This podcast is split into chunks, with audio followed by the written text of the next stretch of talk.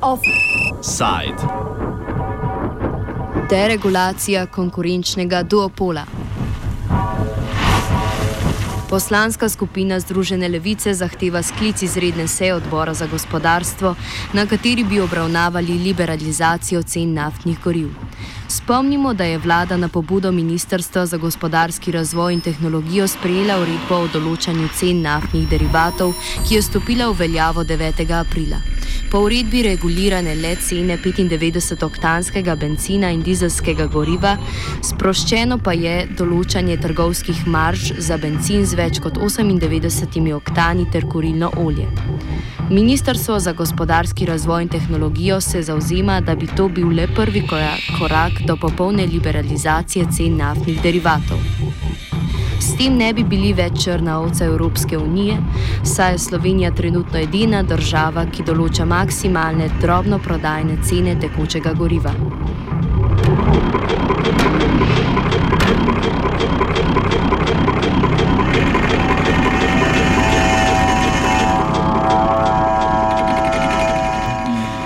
Argumenti pobudnikov deregulacije, katerim se prištevata še največja trgovca z gorivom Petrol in OMV pod okriljem trgovinske zbornice, grejo predvsem v smeri večje konkurenčnosti, ki naj bi pripeljala do znižanja cen.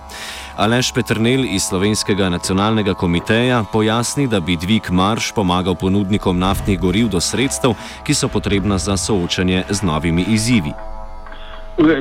Pozitivni učinki so v tem, da se bodo lahko tudi uh, marže prilagodile maržam v Evropski uniji, ker slovenske marže tekočih goriv uh, so uh, samo v uh, tri četrtine povprečne evropske marže. To se pravi, da je uh, uh, za trgovce uh, premalo sredstev na razpolago, da bi lahko vzdrževali uh, vsa ta vse te zahteve, ki jih postavljajo novi predpisi pred njih, kar se tiče zaščite voda, zaščite okolja in uh, tako naprej. Uh, to je, uh, pričakuje se tudi uh, v uh, netko prav bližnji bodočnosti sicer, da bodo tudi alternativna goriva prišla na tržišče, za vse to se je treba pripraviti in uh, to zahteva veliko uh, investicijskih sredstev, ki jih uh, upamo, da se bodo uh, zbrala iz uh, te marže, v, uh, ko bo prilagojena uh, evropski marži. Druge argumente za liberalizacijo cen pojasni še ekonomist Bogomir Kovač. Temeljni argument za Eh, liberalizacijo uh, cen je bil preprosto v tem, da uh, je to nekaj, kar pri politiki cen naj ne bi sodilo v regulacijo, da tako tudi ravnajo drugot po Evropi. In da je to nek ostanek uh, državnega poseganja na ta trg. In z tega vidika je bolj ali manj bilo prizadevanje vseh osrednjih naftnih trgovcev eh, že vse skozi posebno jasno, da so skušali doseči liberalizacijo eh, cen, ki bi lahko seveda v veliko večji meri potem jim omogočilo, da bi z dvigom marže seveda eh, lahko potem regulirali svoj eh, poslovni položaj. Zdaj, tisto, kar uh, je protiargument uh, v določeni meri, je potem, da se je v tem umestnem obdobju ali pa tudi že v celoti, tudi skozi zgodovino naftnega trga v Sloveniji, oblikoval monopolni oziroma oligopolni položaj, se pravi uh, dveh uh, velikih ponudnikov. Petrola kot osrednjega, prvotno Istra Benza, zdaj seveda eh, avstrijskega ponudnika.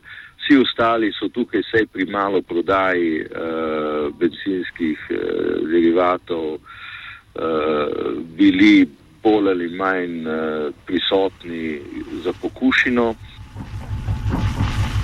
Nasprotniki medtem ugotavljajo, da bo deregulacija pripeljala le do dviga cen, s tem više obremenitve potrošnikov in manjših prihodkov v državni proračun.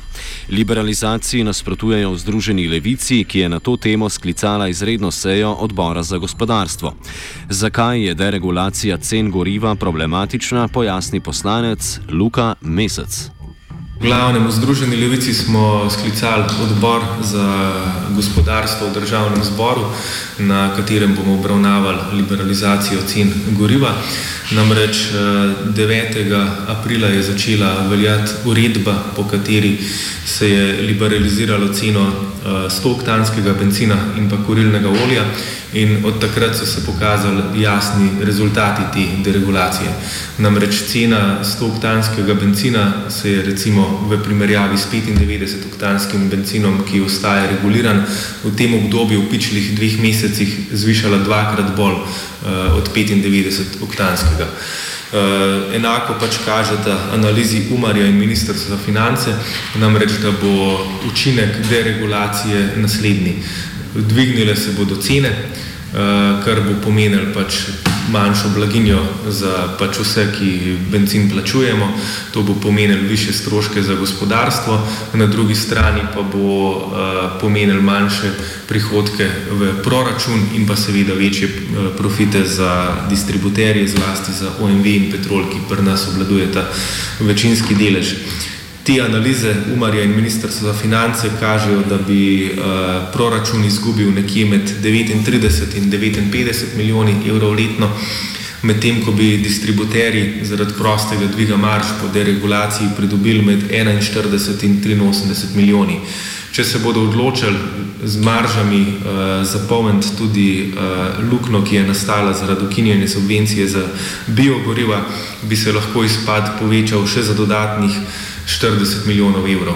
Se pravi, če po črto potegnem, uh, vlada v času največjega zmanjševanja primankljaja, v času največjih rezov, v bistvu razmišlja o tem, da bi distributerjem dala darilo v vrednosti 100 milijonov evrov, ki se zdaj stekajo v javno blagajno, pa bodo šli uh, po novem, če bi šli v polno deregulacijo v privatne žepe, predvsem teh dveh uh, podjetij. Po mnenju poslanske skupine Združene levice bi se morala delna liberalizacija cen razveljaviti in ponovno uvesti nadzor nad cenami, ki je veljal v prejšnji uredbi. Nadaljuje mesec. Zato v Združeni levici seveda jasno nasprotujemo, ker tukaj bomo na izgubi vsi, pač na izgubi bomo potrošniki, na izgubi bo gospodarstvo, na izgubi bo uh, država.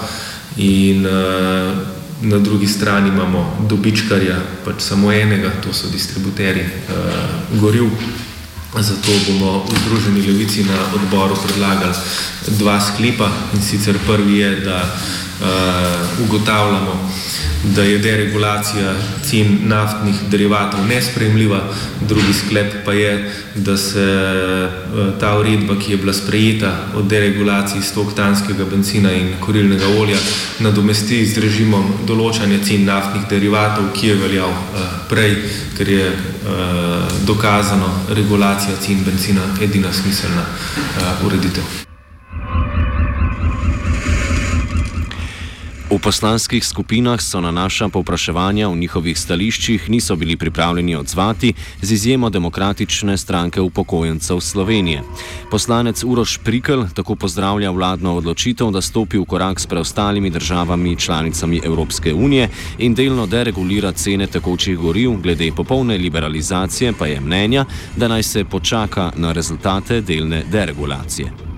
Glede, Slovenija velja za eno izmed redkih držav, ne, ki še ima na nek način eh, regulirana, oziroma je do nedavnega imela regulirana vsa v bistvu, pogonska goriva. Eh, tudi metoda eh, obračunavanja in te regulacije je dost eh, stara in na nek način tudi malo administrativno otežena. Zato jaz ocenjujem, seveda, da je prav, da smo pristopili k temu, eh, da na nek način eh, smo šli v postopno, rečemo temu, liberalizacijo, ker vemo, ne, da je zaenkrat liberaliziran samo stoktanski benzin in pa kurilno olje. Uh, sem pa seveda trdno na stališču, da to še ne pomeni kar avtomatizem v naslednjem koraku liberalizacije vseh pogonskih goriv, tudi najbolj prodajanih, torej dizla in 95-oktanskega benzina, ampak da je pač potrebno potem videti, kaj je ta uvodna liberalizacija teh dveh goriv pomenila. Prikl na osnovi izkušenj iz Hrvaške sklepa, da ne bo prišlo do višjih cen oziroma se bodo znižale izkušnje iz Hrvaške so nekako takšne, da se nekih drastičnih premikov pri ceni eh, za končnega potrošnika, pri ceni naftnih derivatov ni zgodilo. In seveda pričakujemo v Sloveniji, da eh, bo temu tako, oziroma eh, da se bo cena goril še nekoliko znižala. In ko bodo analize, pač, kaj je prinesla ta liberalizacija narejene, bomo lahko se pogovarjali, kako, in, pravi, kako naprej.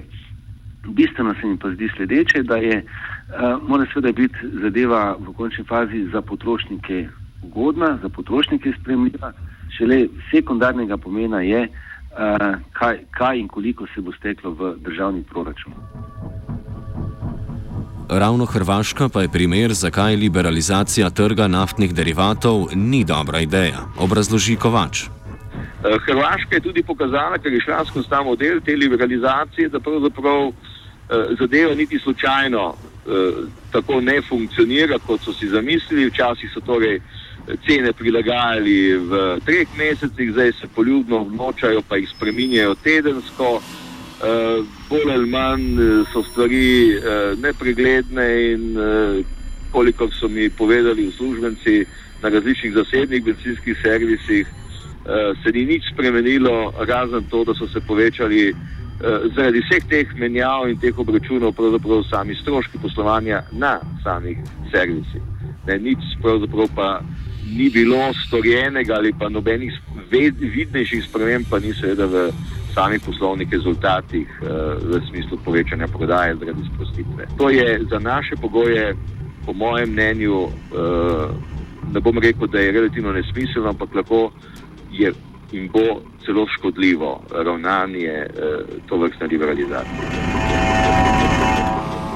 Glavni argument za deregulacijo cen je, da bi ta dvignila konkurenčnost, kar bi povečalo tako kvaliteto ponudbe kot število ponudnikov. Da nič od tega ne drži tudi na ravni Evrope, obrazloži Kovač.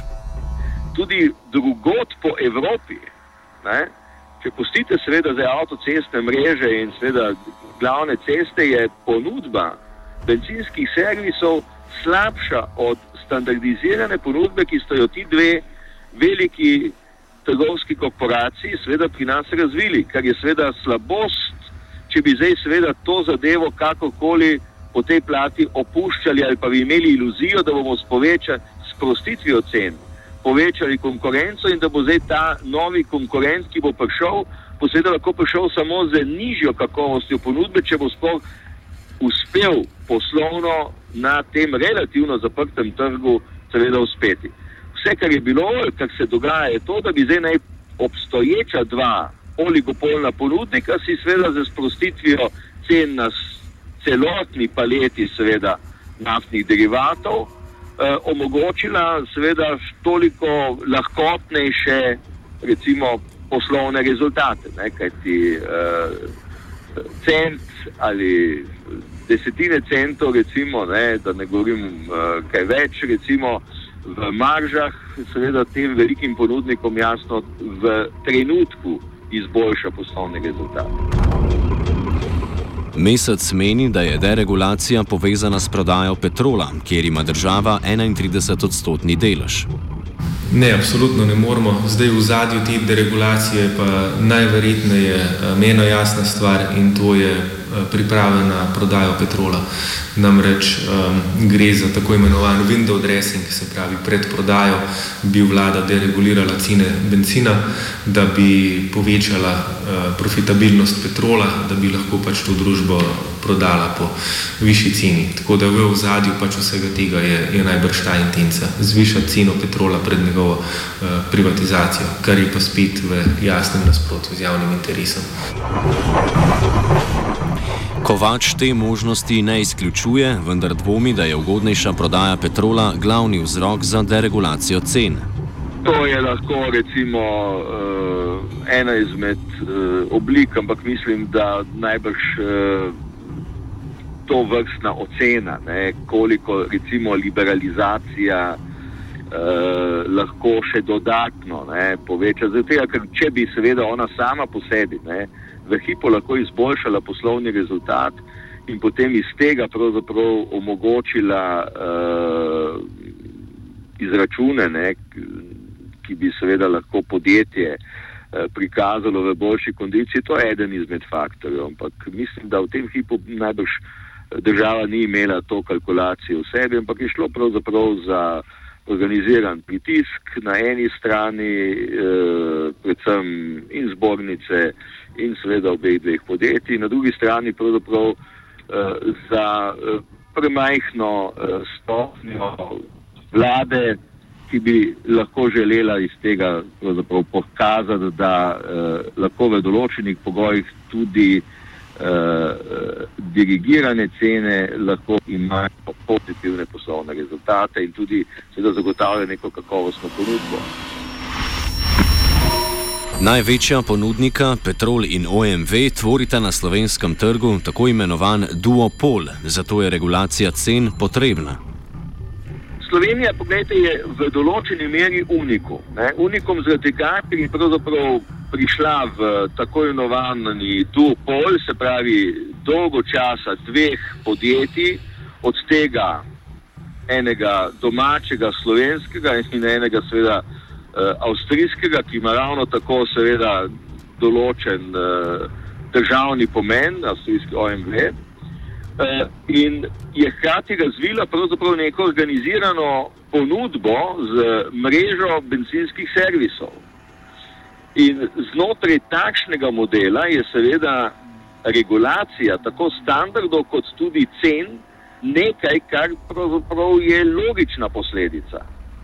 Uh, Medtem ko so seveda druge države od samega začetka na tem področju gradile seveda precej bolj konkurenčne položaje, tudi te postsocialistične države so v bistvu zelo odprle uh, to področje, Ampak zanimivo, ko boste šli gledati kakovost te ponudbe, recimo Hrvaška je tipičen primer, ne, boste opazili, da bolj ali manj je kakovost ponudbe mnogo slabša.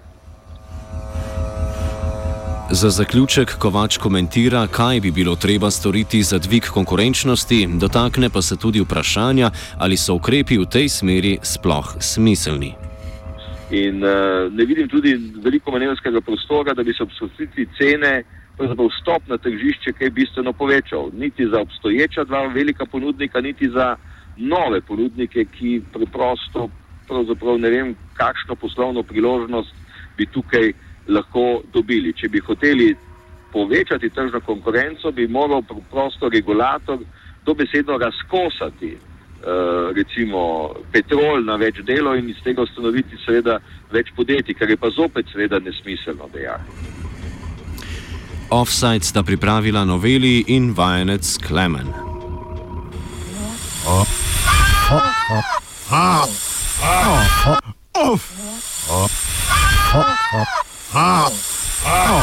Offside.